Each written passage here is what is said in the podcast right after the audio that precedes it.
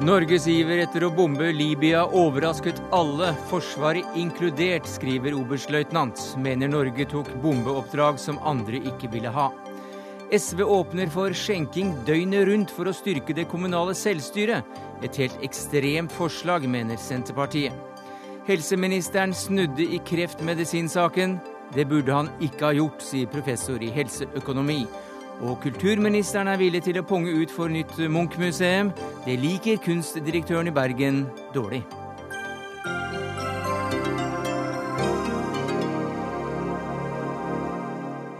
Ja, Det er noen av sakene i Dagsnytt 18 denne onsdagen, der vi begynner med bombene som falt i forfjor over Libya fra norske fly.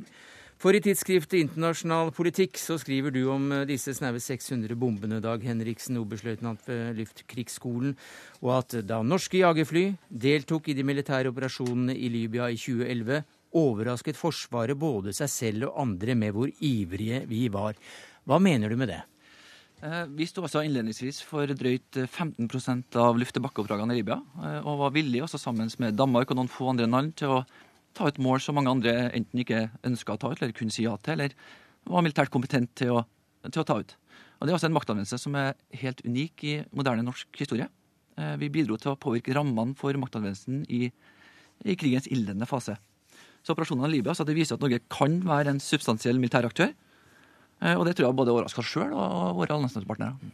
Du skriver også at vi også da, som du sier, tok på oss oppdrag som, som andre kviet seg for.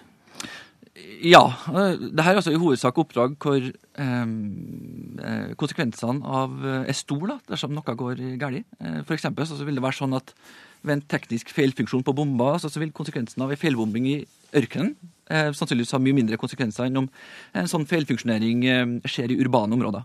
Eh, og så er det viktig å være tydelig her. da, Altså at Målene altså er klart lovlig og legitimt og ivaretar krav om proporsjonalitet og diskusjon osv. Men konsekvensen av feil, feil etterretningsinformasjon eller feilfunksjonering er altså mye større med sånn type oppdrag. Men hvilken innflytelse hadde da Norge over hvilke mål som skulle bombes? Um, Norge hadde god oversikt og kontroll med um, legaliteten og, med de bombene man slapp. Men i de fora hvor man diskuterte um, hvilke mål som skulle stå på den lista, altså de store overordna diskusjonene for maktanvendelsen, uh, den styrke, dens form, uh, på overordna nivå, på operasjonelt nivå, så ønska altså ikke Norge å delta denne gangen. Hvorfor gjorde vi ikke det, forsvarsminister Anne Grete Strøm-Eriksen? Vi bombet altså Eh, i stort omfang, men eh, søkte ikke innflytelse i disse foraene. Nei, altså For det første så vil jeg si at eh, det lå et FN-mandat til grunn for denne operasjonen. Det var helt eh, Bakhistorien, den, den, kan vi ta nei, senere. Men den, den synes jeg faktisk nei, men, er ganske viktig. Jo, den er sikkert viktig, men altså, vi, vi kunne fått innflytelse over Vi hadde jo innflytelse i Nato. Vi, ja, jo, vi var jo men vi satt ikke de foraene, som da, de foraene som da var relevante for å utpeke disse bombemålene som Norge var svært involvert i. Jo, men I beslutningene i Nato så var det jo, eh, eh, var det jo diskutert eh, selvfølgelig det overordnede overordnede på både hvilke eh, engasjementsregler som gjaldt, eh, og på, også på hvilke type mål som skulle tas ut. Og vi må bare huske på denne operasjonen ble iverksatt for å beskytte sivile. Det vi var ute etter, det var jo militære mål som eh, regimet brukte for å, eh, mot sin egen befolkning. Altså mm. angrep på sin egen befolkning. Den historien kjenner vi også, men Dag Henriksen mener altså her som oberstløytnant eh, ved Luftkrigsskolen at Norge valgte å ikke delta i den beslutningsprosessen der vi, der vi, der vi valgte ut bombemål. Hvorfor gjorde vi ikke det? Ja, altså jeg, er ikke, jeg, er ikke helt, eh, jeg, er ikke, helt, enig i det. Og så mener jeg det faktisk at her sitter den offiseren som satt med det røde kortet i, eh, i operasjonsrommet og hadde kontakt med både pilotene og eh, med de hjemover som eventuelt hadde noen meninger. Sånn at jeg syns faktisk at han skal si litt om hvordan det faktisk skjedde. For det å gi inntrykk av at ikke vi hadde kontroll med hva vi gjorde, det ble helt feil. Men det er vel ikke det, du, at, det, ikke det, du heller gjør, Henriksen. Nei, men hva men, er det du egentlig mener? La oss bare få den presiseringen som vi diskuterer på et skikkelig grunnlag. Ja, for akkurat det er viktig, og nå er det viktig å være tydelig. Ministeren har helt rett i at vi på overordna politisk nivå har har, mulighet til å forme, forme maktanvendelsen. Den gangen her så var de rammene relativt vid, men uh, har også helt rett, at, uh, helt tydelig på at det skulle være innenfor FN-mandatet. Og så er det også riktig at Norge hadde god kontroll med de bombene vi, vi, slapp. Vi fikk innsikt i, i, i, i prosessen bak de målvalgene. Men det på operasjonelt nivå, så der den daglige diskusjonen om mandat, maktanvendelse, den, det overordna langsiktige perspektivet. Eh, på det nivået så hadde vi ingen representanter. Hva sier du til det Hans Jørgen Norskog, oberstløytnant ved Forsvarets operative hovedkvarter, det er eh, deg ministeren pekte på her? Ja, det, det, er Dag har rett i noe av det han sier, og så er jeg vel ikke helt enig med han i, i alt. Vi var representert på det operasjonelle hovedkvarteret med en offiser. Eh, sånn at vi hadde innsikt i prosessene der måla blei diskutert. Men innflytelse? Vi hadde også innflytelse. Vi som var red card holders, var også med på disse møtene daglig. Red card holders, hva er det? Det er nasjonenes eh, representanter som skal ivareta at de, eh, nasjonal, altså de norske flyene for vår del blir brukt i henhold til de retningslinjene som vi mener skal overholdes. Um, og så, I så måte så var vi med i den målutvelgelsesprosessen. Så alle målene som ble nominert inn til Nato, hadde vi innsyn i, innflytelse på, i form av at eh, dersom det var uh, utilfredsstillende dokumentasjon, så stilte vi krav om det. Og det gjorde uh, Der var alle nasjonene med i den prosessen. Det Dag sikter til, er at vi hadde, vi hadde ikke deltakelse i hvilke mål som skulle nomineres fram til Nato. Ehm, det var i hovedsak Nato som eh, organisasjon som gjorde det, og enkelte store nasjoner som har en selvstendig etterretningskapasitet eh, langt utover det som vi har. Ehm, men vi hadde klar innflytelse på de målene mm. som ble nominert opp til eh, Nato. Hvorfor mener du det er viktig å diskutere dette, Dag Henriksen? Du, du skriver at du ønsker en åpen debatt om slike ting. Nettopp. Eh, altså, bare understreke at eh, det Hans Jørgen sier nå, er langt på enig i. Altså. men Um, like fullt, det å ha en uh, liaison-offiser, en representant som får delvis innsyn i prosessene, men, men uh, ikke deltar fullt ut i de diskusjonene som, som uh, på overordna nivå går på hva er FN-mandatet, hvilken maktbruk skal vi nå legge til grunn for å overholde både behovet for å beskytte sivile, men også innenfor mandatet de daglige diskusjonene om maktbruken, hvor, hvor går nedre og øvre grense på maktbruk, eh, det som, det som, fører fram til den lista som blir presentert av Hans Jørgen og andre aktører, eh, der eh, tror jeg det er viktig at vi tar en diskusjon på om vi ønsker å øve innflytelse og delta i de fora. Altså, det, det, som er helt klart, er jo det at vi må holde oss innenfor det som er mandatet. det som er krigens folkerett være sikker på hvilke mål eh, som eh, blir tatt ut, og på hva man, hva man, gjør. Og Det er jo nettopp det, den prosessen, den daglige prosessen som Norskog har, har snakket om her, hvordan det faktisk i praksis foregår. Man kan ikke hver dag sette seg ned og diskutere mandatet, men man må mm. hver dag være veldig tydelig på å holde seg innenfor de reglene som gjelder. Er det et svar som du blir beroliget av, Dag Henriksen? Ja, altså eh, det er ingen uenighet mellom eh, meg eller ministeren eller andre aktører her om at vi, akkurat den prosessen med å ha kontroll med bombene er viktig, og det ble overholdt. Eh, men det er forskjell på å ha en mer skal vi si, reaktiv holdning hvor vi nøyer oss på en måte å være sikre på at de bombene vi slipper er innenfor mandat og, og folkerett, til å aktivt gå inn i fora som øver innflytelse på retningen på operasjonen. Jeg syns jo også det at uh, Norskog har gitt en veldig god beskrivelse. Ja, men Hva sier du til, uh, til, Henriksen, at det er en forskjell her på aktivt gå inn? Altså jeg mener jo det at Vi var meget aktive. Mm. Og det er heller ikke sånn at vi var helt uten innflytelse i Nato. Både i det militære rådet og i de politiske eh, debattene som foregikk. Eh, og så syns jeg faktisk at når rammene for en operasjon er lagt, så er det viktig at man hver dag er veldig bevisst på hva man foretar seg. Og det mener jeg det, det hadde vi gode prosedyrer på. Mm. Og så er det én ting som jeg syns er viktig, og det er at det har vært sagt at Norge gjorde ting som ingen andre ville. Ja, det er jo fordi at vi hadde kapasiteten gjennom flyene våre, gjennom det utstyret som var i flyene, og veldig godt trente piloter. Var det ikke, andre, det var det ikke andre som hadde det, Dag Henriksen?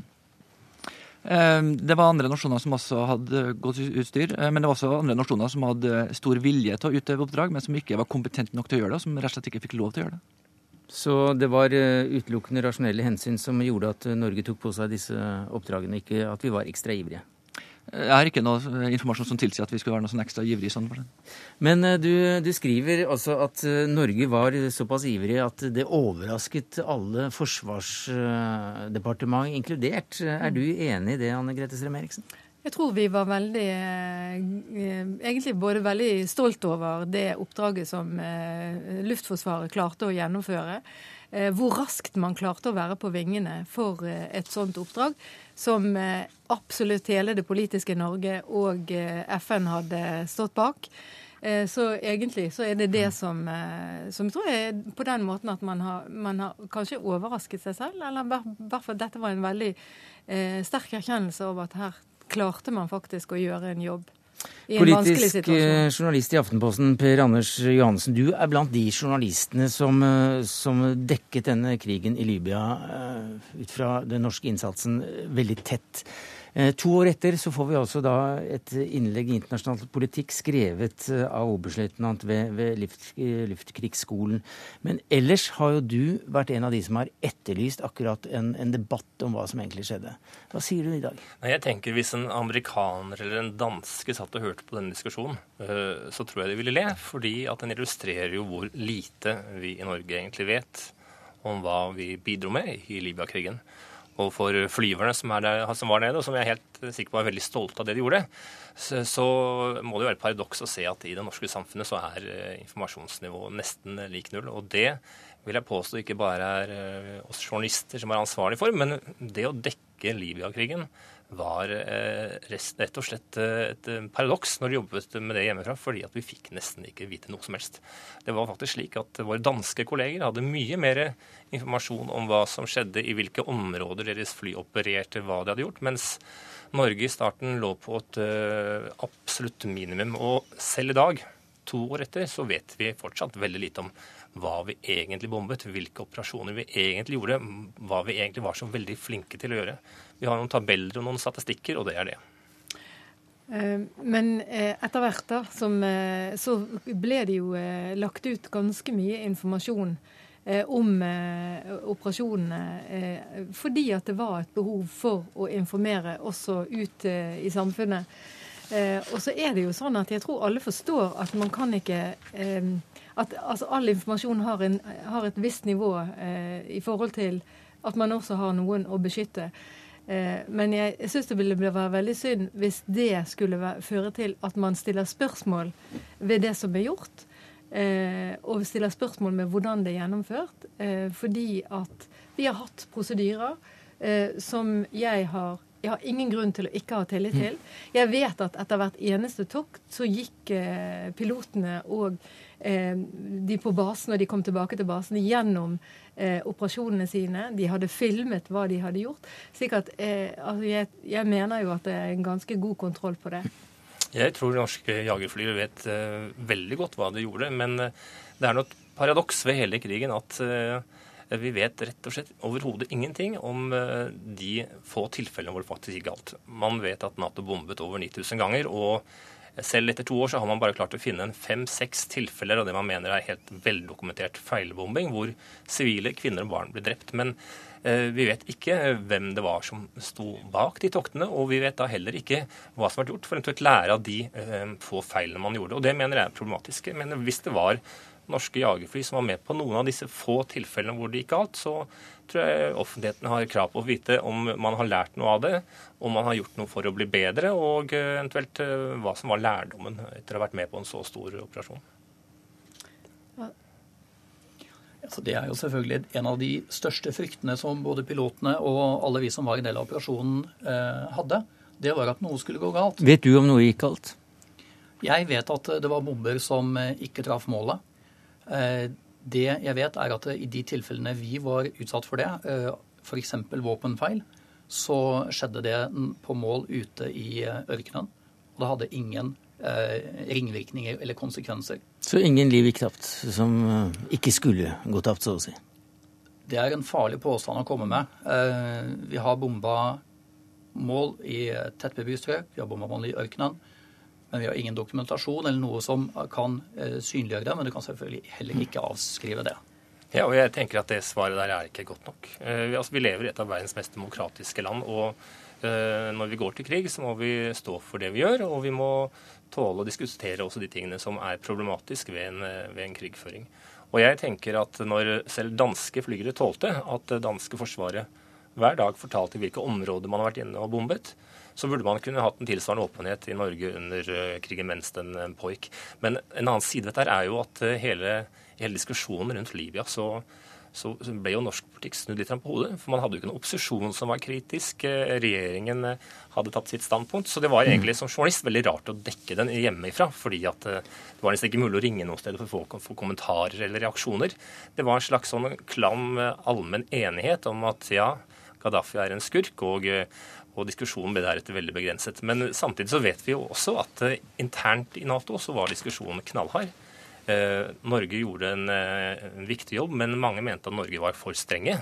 At man la for mye begrensning på hva man skulle bombe. Det mente jo bl.a. britene. Mens franskmenn derimot, de kom jo hjem med, med, det fulle fly, altså uten å bruke bombene i halvparten av sine oppdrag. Eh, noe som også vakte reaksjoner.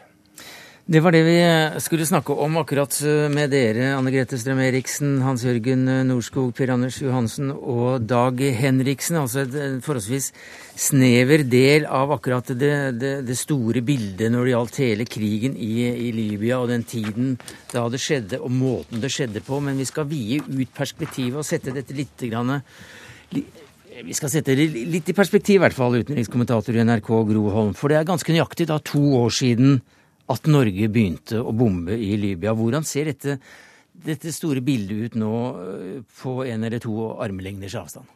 Det kommer veldig an på hvordan man ser på dette med eh, å gripe inn i konflikter for å beskytte mennesker i det hele tatt. Eh, det som umiddelbart springer henne i øynene, det er jo at denne operasjonen startet som en, en aksjon med, rødt, med, med, med, bakgrunn i en FN-resolusjon for å beskytte sivile, og så utviklet det seg til et regimeendringsprosjekt. Og det ble veldig klart ca. tre måneder ute i operasjonen etter et møte i den såkalte kontaktgruppen for venner av Syria i Istanbul eh, i juli. Eh, da sa man helt klart at Gaddafi representerer ikke lenger det syriske folk. Det er, eh, det er overgangsregjeringen som gjør det, eller overgangsrådet som gjør det, som representerer.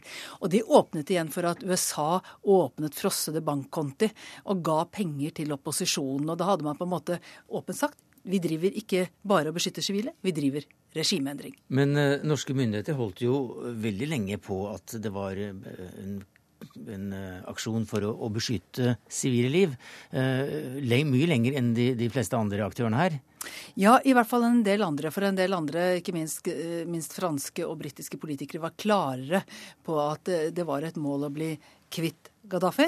Mens vi hadde jo eh, flere ganger både statsministeren og utenriksministeren som holdt fast på at dette var eh, en mandataksjon eh, med utgangspunkt i da, et FN-mandat for å beskytte sivile. Og det, det ble nesten på en måte litt uh, latterlig på noen punkter fordi det var så åpenbart at vi drev med andre ting. Og uh, selv om det jo også ble hevdet at når man eh, rammer residensen til Gaddafi inne i Tripoli, så er det fordi at der finnes det også installasjoner som kan brukes til militære formål, så var det åpenbart at her traff man sivile kanskje uten noen veldig diskusjon av hva dette kunne mm. bety i militær sammenheng. Mulig også at det var da norske bomber som traff disse målene inne i Tripoli, ja. slik vi så det i Brennpunkt-reportasjen eller eh, dokumentaren 'De gode bombene' i, i, går.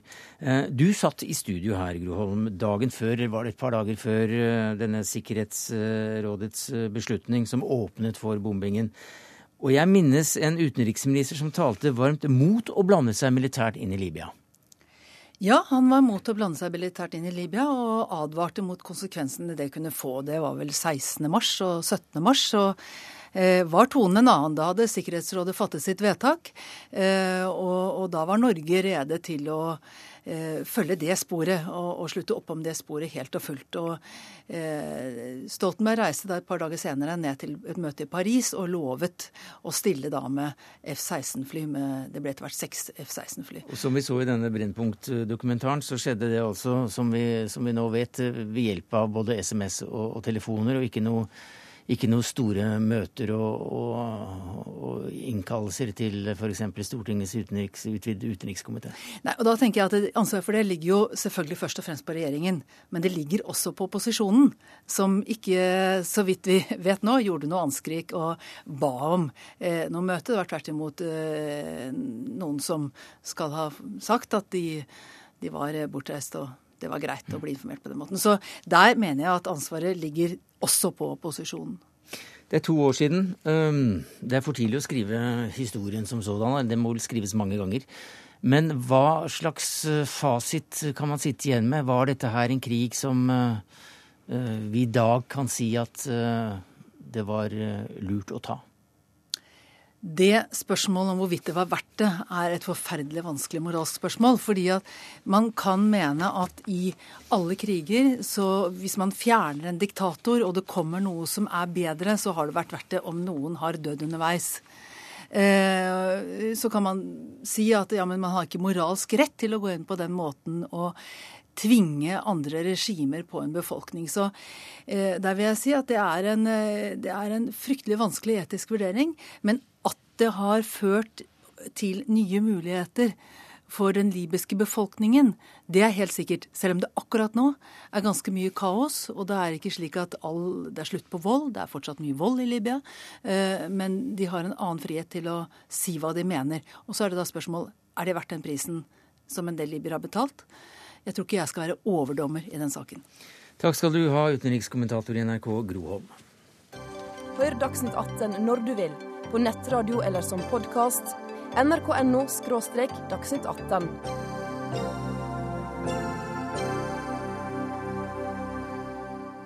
Ja, Hvor langt på natt skal folk få kjøpt seg et glass øl og en, eh, og en skarpen her i landet? I dag sier staten at eh, det i alle fall må skje før lilleviseren passerer tretallet, men nå vil programkomiteen i SV at dette tidspunktet det skal kommunene få bestemme helt selv. Hva ligger egentlig i dette forslaget, Torgeir Knag Fylkesnes, du representerer flertallet i komiteen? Ja, det, det, er et eh, flertall i komiteen som går inn for dette. her, og det, det, er egentlig et spørsmål om hvem skal bestemme når skjenkinga skal, eh, skal, avsluttes. og Vi eh, mener da at dette her er en beslutning som bør kunne tas lokalt, av lokalpolitikere, og ikke av stortingspolitikere, sånn Hvorfor som det gjøres i dag. Vi tror at lokalpolitikerne som er nær der den skjenkinga skal skje, er like kompetent, enda mer kompetent til å kunne ta den type vurderinger som det stortingspolitikere er. Ja, hva vil du oppnå med dette? Vi er jo Altså, vi er Alle snakker om lokal, eh, lokaldemokrati, alle snakker om lokalt selvstyre. Men tendensen i norske samfunn i dag det er at flere og flere beslutninger flyttes eh, nasjonalt. Det fører til at, eh, folk, at beslutningen tas bort fra folk der de bor, og at færre tar del i beslutninger. Så da har vi gjort eh, Vi har gått gjennom vårt program, og vi har sett på områder hvor det kan være naturlig at lokalpolitikere kan bestemme. Eh, og um, det er jo en stor frykt her, eh, som eh, flere har hoppa på, om at dette vil føre til vill vest-tilstander rundt omkring i landet. Men oversikten viser jo at det store flertallet av kommunene i dag mm. har åpningstid til klokka er to, altså en time før den mm. maksstandarden til staten. Så det betyr egentlig at man lokalt er faktisk mer restriktiv enn man er på Stortinget. Og da er vel alt greit. Kjersti Toppe, du er helsepolitisk talsperson i Senterpartiet. Ja, nei, Vi er jo veldig imot eh, dette. Det er jo ei linje som eh, Høyre og Frp har eh, fronta. Ekstremt forslag.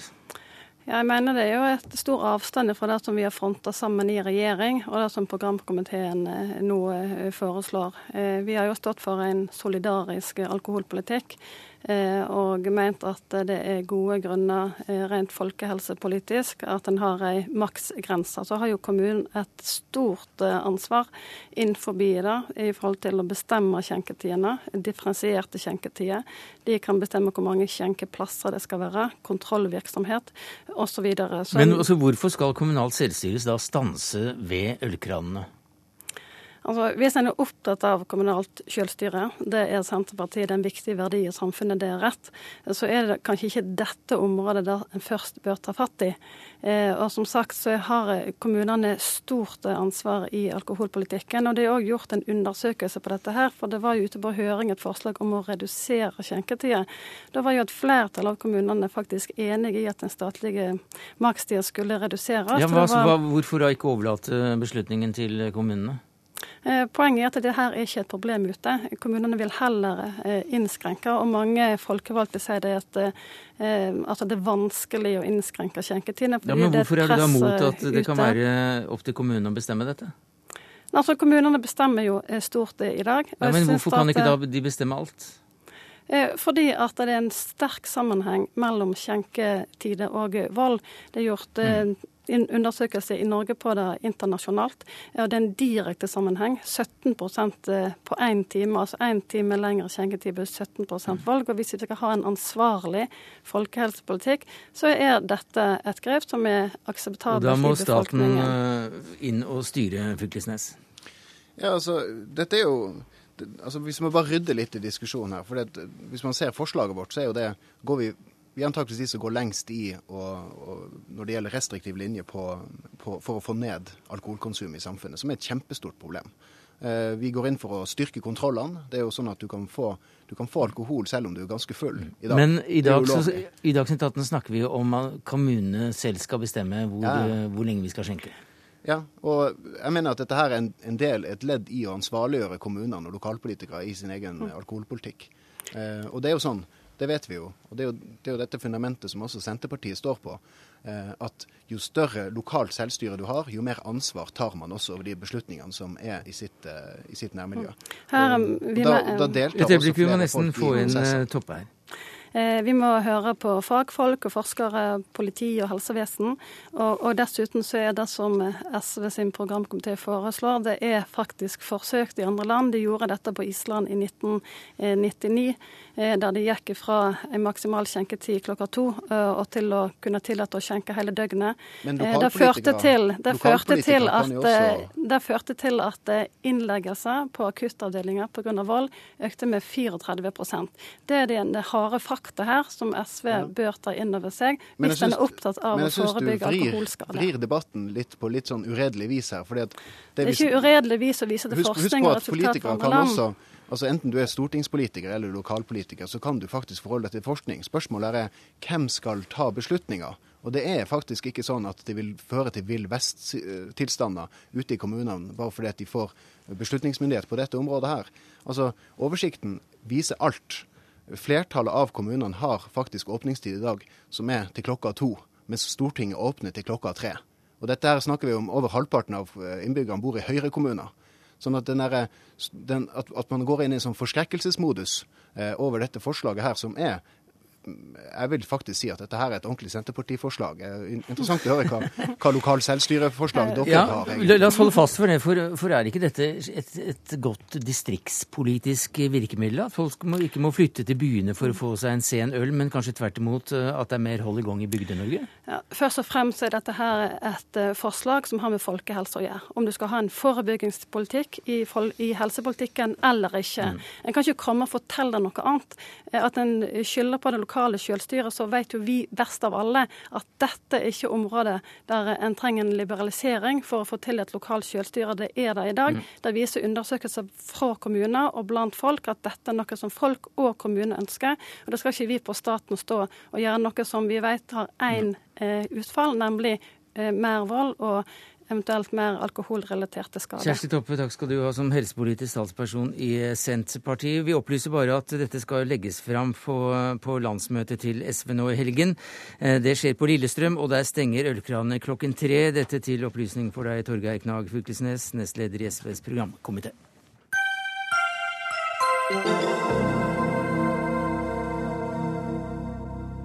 Så til de omdiskuterte føflekkreftmedisinene og denne spesielle som nå skal tas inn i behandlingen av norske pasienter. For en uke siden satt helsedirektøren her i studio og sa klart nei til denne dyre behandlingen. I går sa helseministeren ja. Hva har skjedd den siste uken siden myndighetene nå endrer mening, helseminister Jonas Gahr Støre? Ja, la meg presisere at Det er ikke helt riktig at vi har endret mening. fordi Beslutningen om å ikke ta dette legemiddelet inn som et vanlig alminnelig godkjent legemiddel, den har, øh, står jeg ved. Jeg tror det er riktig det Helsedirektoratet har gjort når de har vurdert det opp mot andre øh, måter å bruke ressursene på.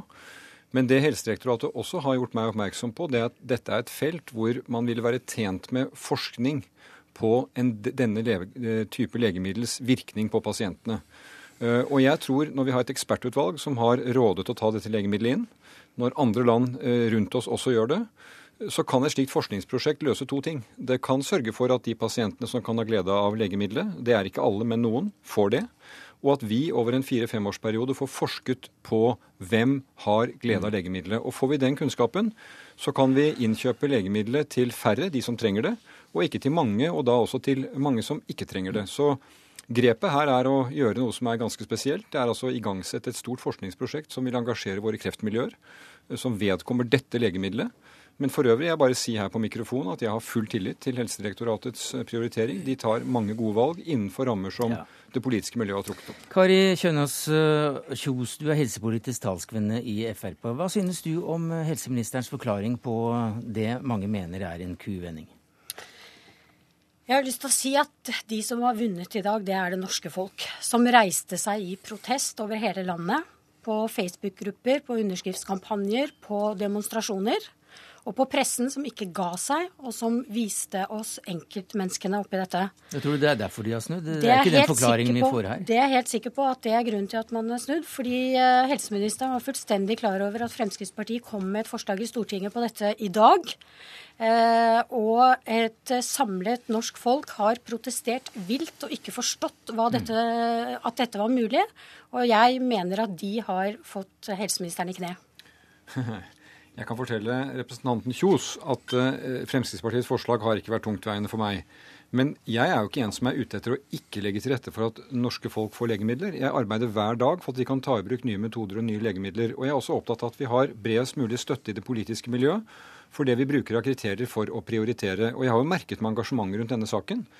Men meg, når, jeg, når jeg sier at det er viktig at vi har evne til å prioritere, også si nei, og det gjør vi i en lang rekke tilfeller overfor behandlingsmetoder og legemidler, så er det også en beskyttelse for de svakeste.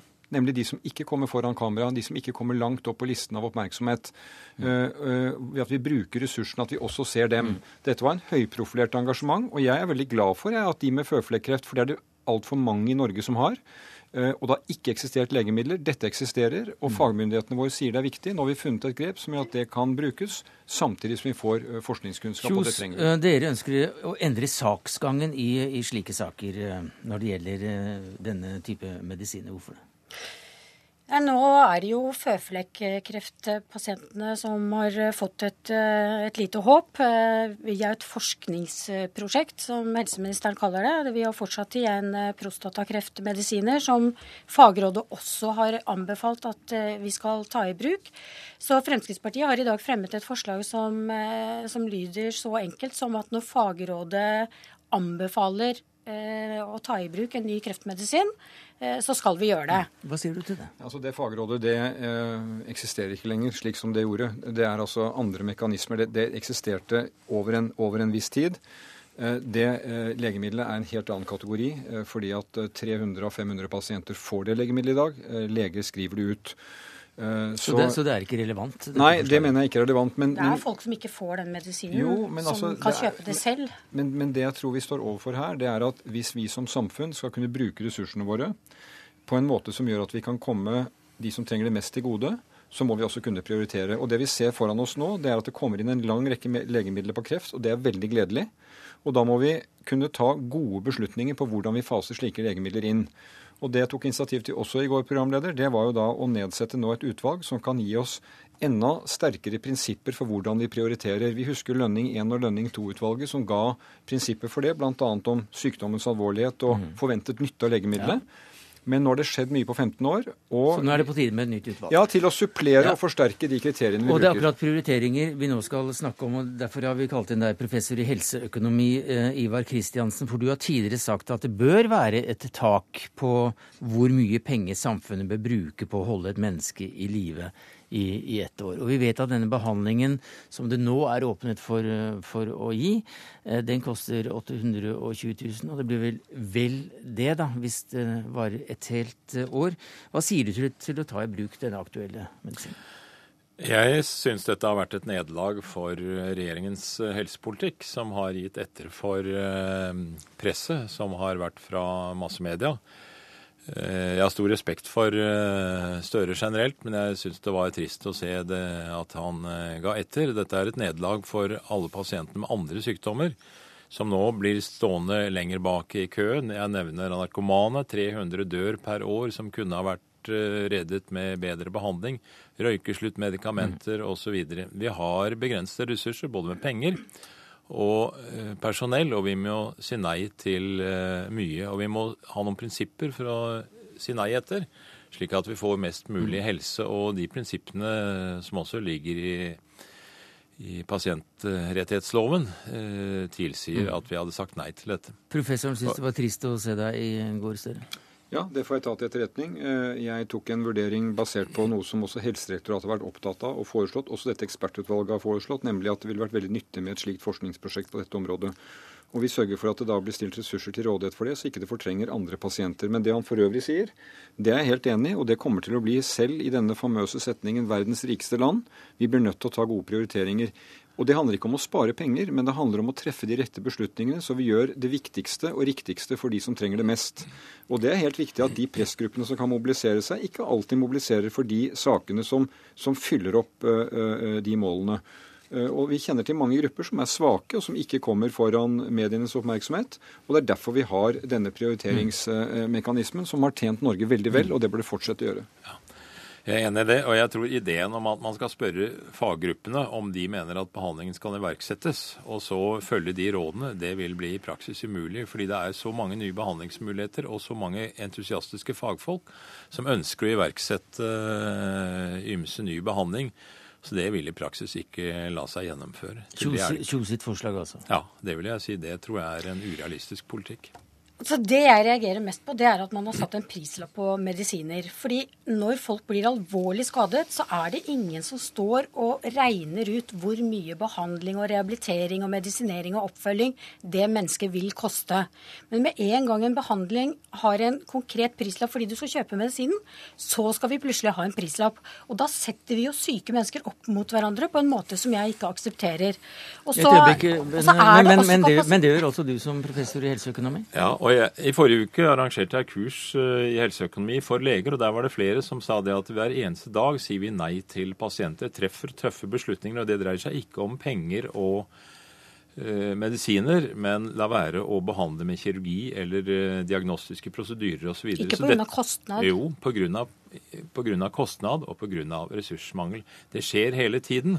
Og de som står der ute og tar disse tøffe beslutningene, de trenger støtte fra Støre, sånn at de klarer å stå i de beslutningene og si nei. Og dessverre så har de da blitt falt i ryggen, Ja. slik jeg ser Og det det, andre- i dette tilfellet. Og det andre Ja, eller hva sier du til det, da? Nei, fordi at uh, i forhold til kapasitet, for det var jo han inne på også, dette med kapasitet, at vi ikke har nok kapasitet. Det er jo ledig kapasitet. Uh, så det handler jo også om, uh, om bevilgninger, hvor mye vi er villige til å, til å bruke. Og er det noe Altså, vi snakker mye om skatter og, og høye skatter, og jeg er ikke så glad i skatter, jeg heller. Men er det noe jeg ønsker at skattepengene mine skal gå til, så er det jo også å redde liv. Og det å ta i bruk nye medisiner, det er jo det som er fremtiden. Det er det som er en del av forskningen. Og det er det som gjør at vi redder stadig flere Mm. mennesker, og at vi lever stadig lenger. Og hvis vi ikke bruker det verktøyet der, så skjønner jeg ikke hva vi skal holde på med Men i Norge. Men sist eh, Kristiansen var i studio, eh, eller i hvert fall en gang tidligere, så, så nevnte han vel 380 000 kroner, eller var det 400 000 kroner, som en makstak for hva et, eh, et menneskeliv bør være verdt i, eh, i året når det gjelder sta, statlig ressursbruk. Hva syns du slik, et slikt tak bør være på, da? Det betyr at ingen av våre rusmisbrukere skal få behandling lenger, i så fall. Altså, det er et beløp som er såpass lavt at jeg tror at hvis vi begynner å, å regne Vil du ha et tak i det hele tatt? Egentlig så ønsker ikke jeg noe tak, men jeg har, sagt, jeg har sagt, at vi gjerne kan diskutere, diskutere, det politisk. For jeg tror at det kan være lurt at vi har den diskusjonen. Men jeg syns at vi ikke skal sette prislapper på mennesker. Og det må i hvert fall ikke være én prislapp på medisiner og én på operasjoner og én på behandling. Men, men hva slags prinsipper vil du si nei til? Eh, si nei etter. På en eller annen måte må du si nei, for det er ikke ubegrensede ressurser. Så hvis du ikke vil Nei, men så lenge vi har, jeg mener at så lenge vi både har økonomi og kapasitet, så skal vi ikke si mm. nei. Men, men, men dette er jo det uh, fantastiske med Fremskrittspartiet, at det er ingen grenser. Uh, og jeg tror at alle andre som sitter med ansvar, vet at selv om vi la doblet helsebudsjettet, så vil vi komme opp i sånne situasjoner. Det ser man når man jobber på innsiden av medisiner, eller man er på utsiden av politiker. Så vi må ha prinsipper for å styre. Jeg tror ikke ett beløp avgjør dette. Men jeg tror nok at vi trenger en kunnskap om en hva skal vi si, antydning til står ressursbruken i forhold til det vi kan få igjen. Og på dette kreftmiddelet så ser vi det at for noen så kan det forlenge levetiden med et par år. Det kan ikke kurere, men for en stor gruppe vet vi ikke, og det kan være bare noe kort tid.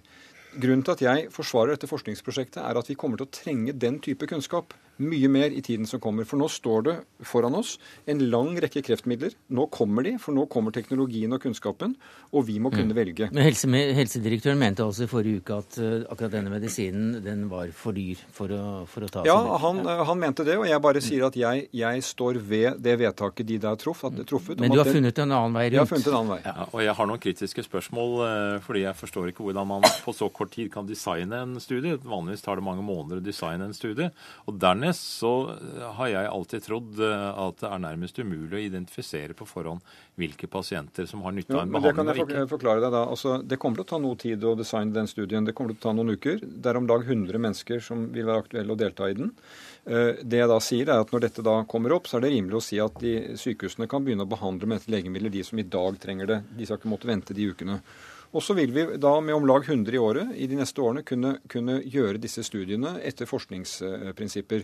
Og jeg tror det også er en, er en, viktig investering i vårt kreftforskningsmiljø, og det kommer vi til å trenge. Vi kommer med en strategiplan for kreft etter påske, eh, og der er også forskningselementet et, et mm. viktig kriterium. Men, men, altså for, for Kjønaas Kjos vil jeg bare si at uh, gjenta det, at hvis vi ikke har et robust opplegg for å prioritere, så faller vi de svake i ryggen. For det, er, det, er, det, som er interessant når vi ser på Norge sammenlignet med andre land, det er at vi har hatt et slikt system. Mange andre land har ikke hatt det. Og Da kan andre land peke til at de har flere medisiner og kanskje flere ø, maskiner, men vi har bedre resultater av behandlingen, også på kreft. Jeg mm. hører mange sier at Danmark gjør mer av det, og Sverige mm. gjør mer av det. Vi har høyere overlevelse, og det Kjos, sier at vi gjør ting riktig. Kjos, fra FrPs side så, så, er det blitt brukt ord som opportunistisk, det som har skjedd med denne, som mange mener er, er en helomvending. Eh, og det er også blitt pekt på at det er et valgår. Ja, det er klart at eh, Støre har blitt presset eh, inn i dette i forhold til hva han har sagt tidligere. Han har jo støttet Helsedirektoratets Eh, mening og, og, finner en vei rundt. Men jeg er ikke så veldig opptatt av det spillet. Jeg er mest opptatt av at bl.a. en gutt på 21 år nå får muligheten til å få denne medisinen. Jeg har barn på den alderen, og jeg vet ikke hva jeg hadde gjort hvis jeg hadde vært i den situasjonen som hans foreldre har vært i. Og det er det dilemmaet som vi politikere står i. Og vi vet medisinen er der, vi vet vi har penger til det. Da går det ikke an å si nei. Takk skal du ha, Kari Kjønaas Kjos, helse- og omsorgskomiteen, Jonas Gahr Støre, helseminister, Ivar Sønbø Kristiansen, professor i helseøkonomi.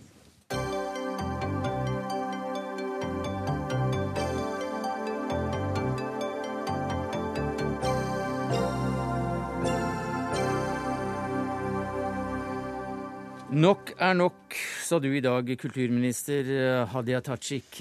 Hva er det du har fått nok av i saken om et nytt uh, Munch-museum? Du, nå har diskusjonen om eh, hvor et eh, nytt Munch-museum skal ligge i Oslo vart i veldig veldig mange år. Den har vært veldig vanskelig. Det har vært mange dogmatiske standpunkter til hvor Munch-museet bør ligge. Så har jeg fått en henvendelse fra Oslo kommune, fra kulturbyråden der, der han har bedt om hjelp fra staten til å få til dette. Det er altså en helt åpen erklæring om at dette klarer ikke Oslo kommune alene, selv om det er en arv som de forvalter alene. Og så har eh, vi gått tilbake og tenkt på hvordan staten kan bidra og være en konstruktiv eh, spiller i dette. Eh, og konklusjonen er at staten vil gjerne være med på å ta ansvar for et nytt Munch-museum. Hvordan da? Vi vil bidra økonomisk, vi vil bidra organisatorisk, og vi vil gjerne at dette Munch-museet skal komme opp og stå.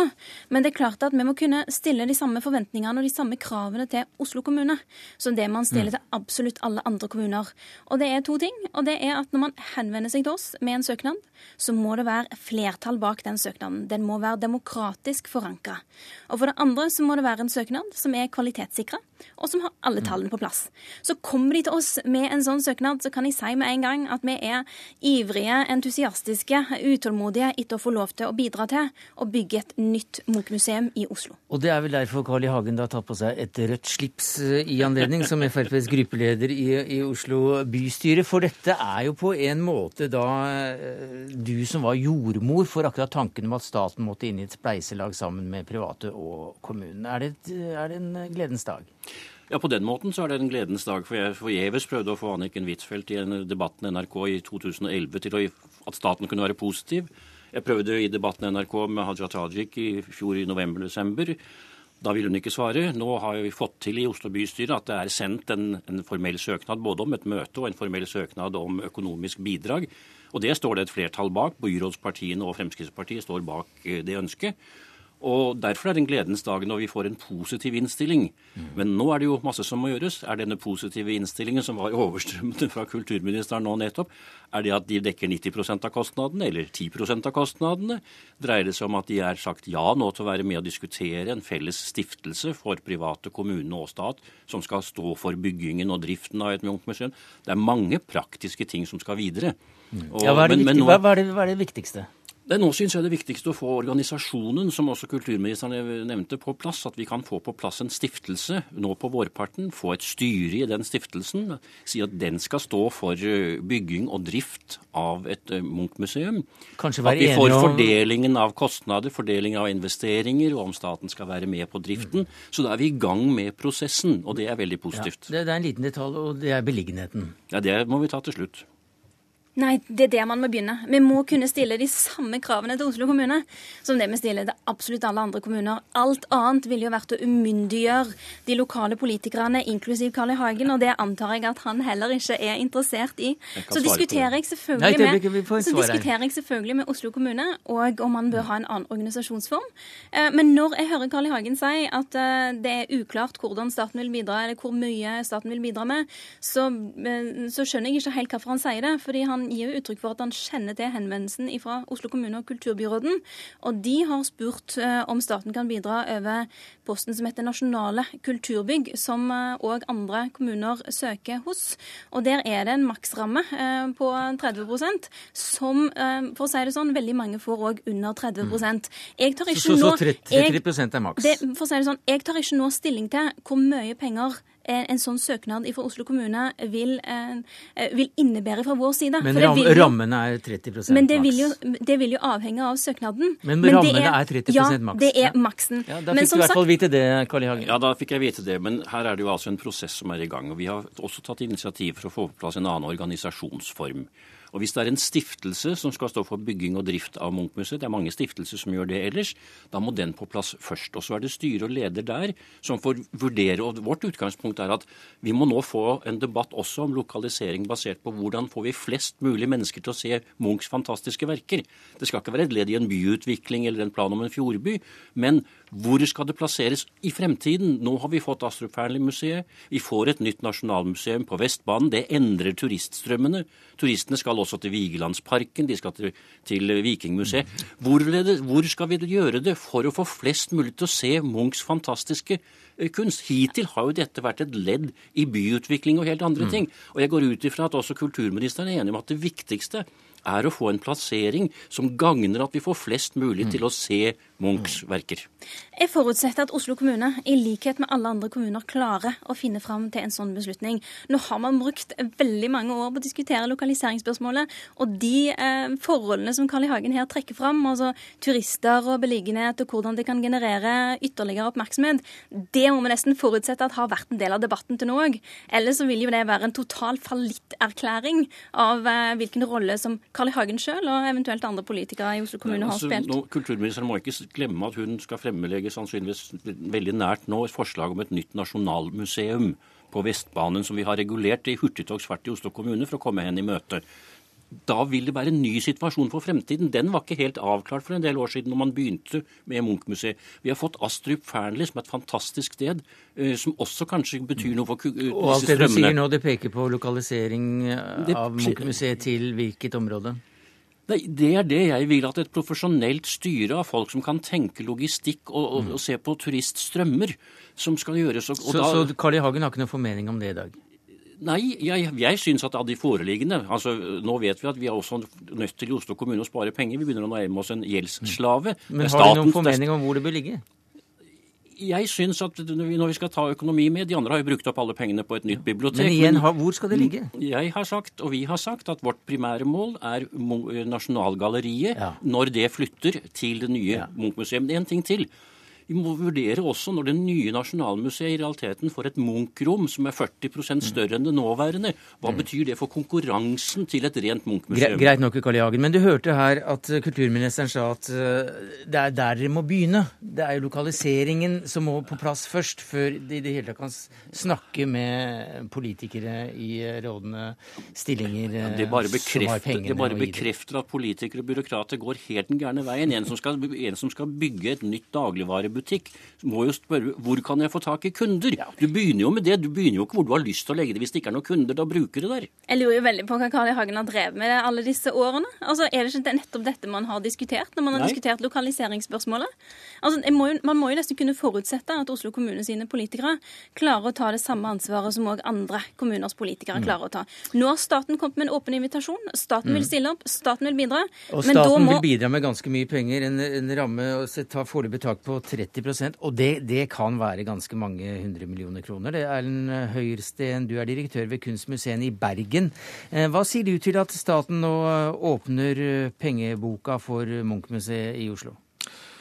Jeg må få lov å si at eh, jeg elsker jo kulturministerens entusiasme og smittende begeistring, men samtidig så blir jeg veldig i tvil på hva som stimulerer statlig støtte innad i kulturlivet. Altså Er det politisk rot, er det organisatorisk rot, eller er det økonomisk rot?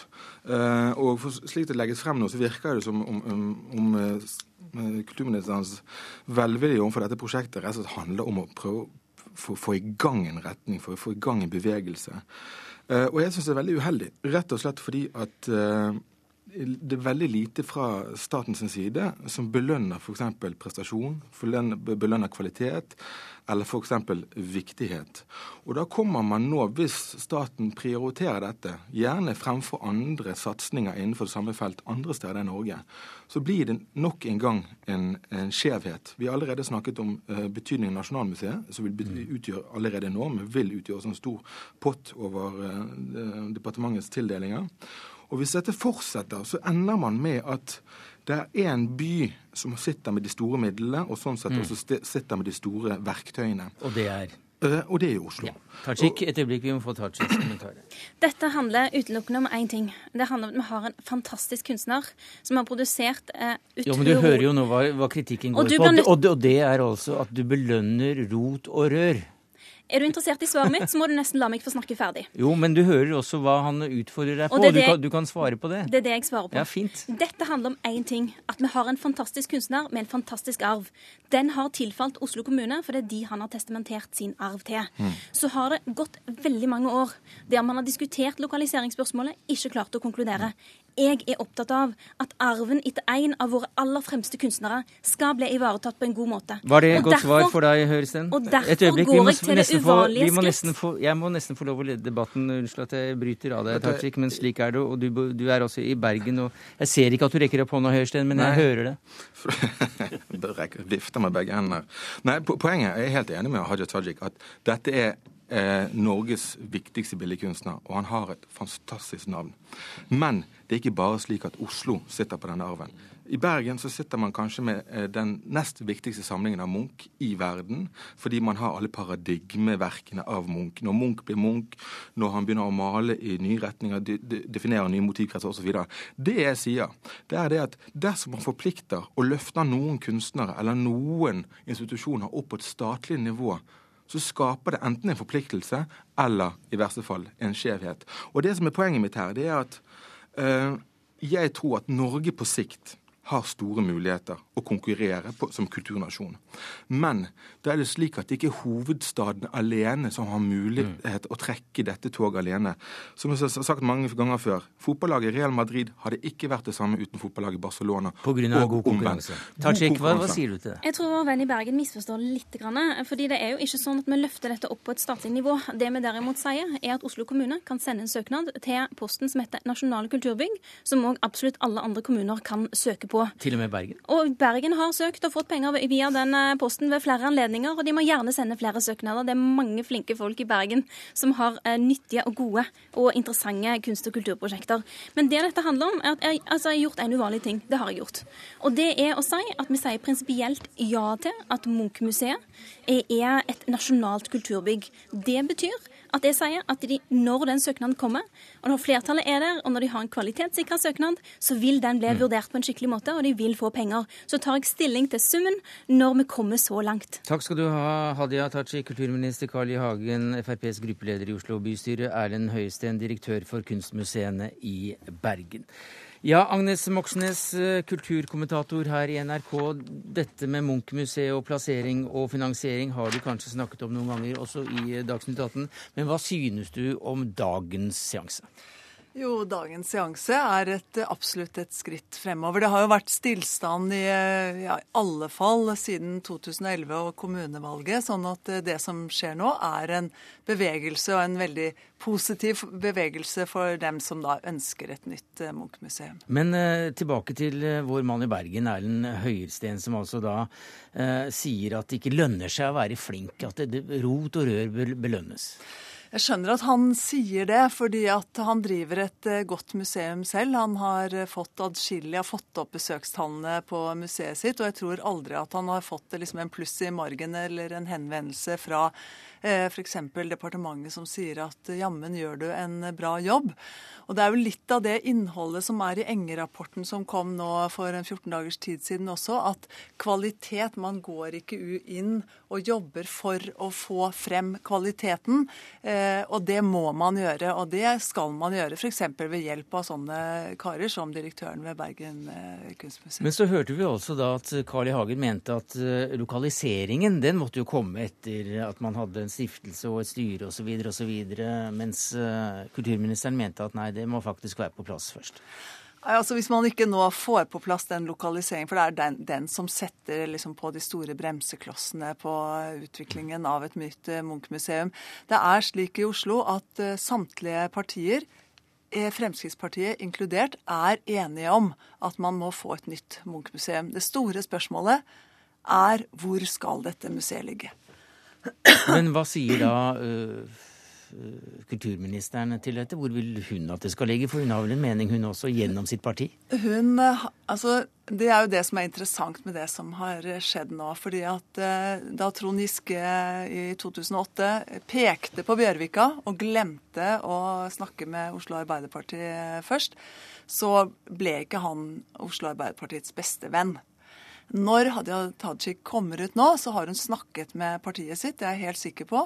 Og det har nok også åpnet opp for at eh, Arbeiderpartiet kanskje kan gå i en annen retning enn Tøyen. Og det betyr også at uh, dette skjeve ja, for, Knekken i, Bjørvika kan bli Ja, jeg tror det at det er det vi ser nå. Eh, men det må forhandlinger til, og det må kløktighet til eh, fortsatt. Eh, Arbeiderpartiet, Oslo Arbeiderparti må få noe tilbake. Så er en hestehandel på gang. Men at vi nå er nærmere Bjørvika enn vi har vært siden før valget i 2011, det tror jeg nok. Men med dagens utspill så, så har altså kulturministeren gjort noe så sjelden som å si at ja, dere skal få penger? Ja, hun har gjort Før det. søknaden kom? Ja, før søknaden. Altså hun har jo fått, har fått da en, en søknad fra Hun har jo fått en henvendelse Ja. fra, fra byrådet i Oslo som ber om hjelp, for de har ikke klart å løse denne floka. Best Takk skal du ha, eh, Agnes Moxnes. Det var det vi rakk i Dagsnytt 18 i dag. Takket være Dag Dørum, Karl Johan Rimstad og Sverre Tom Radøy.